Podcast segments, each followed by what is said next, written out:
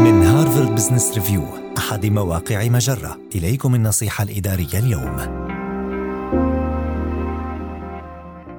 تعلم تجاوز فترة ما بين مقابلة العمل النهائية وقرار الشركة بمهنية. قد تكون مدة الانتظار بين مقابلة العمل النهائية وقرار الشركة مثيرة للتوتر والقلق، فما الذي ينبغي لك فعله خلالها؟ وكيف يمكنك تجنب إطالة التفكير في الوظيفة المنتظرة؟ حاول عدم التواصل مع مسؤولي التوظيف بعد انتهاء المقابلة في حين أنه قد يكون من المغري الاتصال بمدير التوظيف. خاصة إذا توصلت بعد فوات الأوان إلى الإجابة المثالية عن أحد الأسئلة التي طرحت عليك في المقابلة إلا أنه من الأفضل أن تترك الأمور على حالها. فإذا بالغت في التواصل لمعرفة القرار سينظر إليك على أنك بائس وثقتك بنفسك متزعزعة. لذا في أثناء انتظارك ركز على القيام بأشياء إيجابية مثل قضاء بعض الوقت مع الأصدقاء والزملاء الذين يحسنون من نظرتك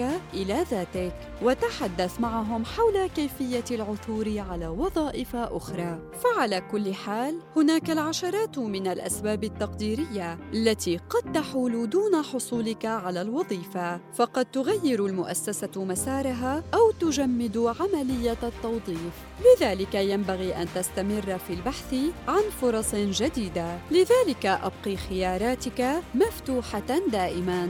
هذه النصيحة من مقال ما الذي يمكنك فعله بعد مقابلة عمل نهائيه النصيحة الإدارية تأتيكم من Harvard Business Review أحد مواقع مجرة. مصدرك الأول لأفضل محتوى عربي على الإنترنت.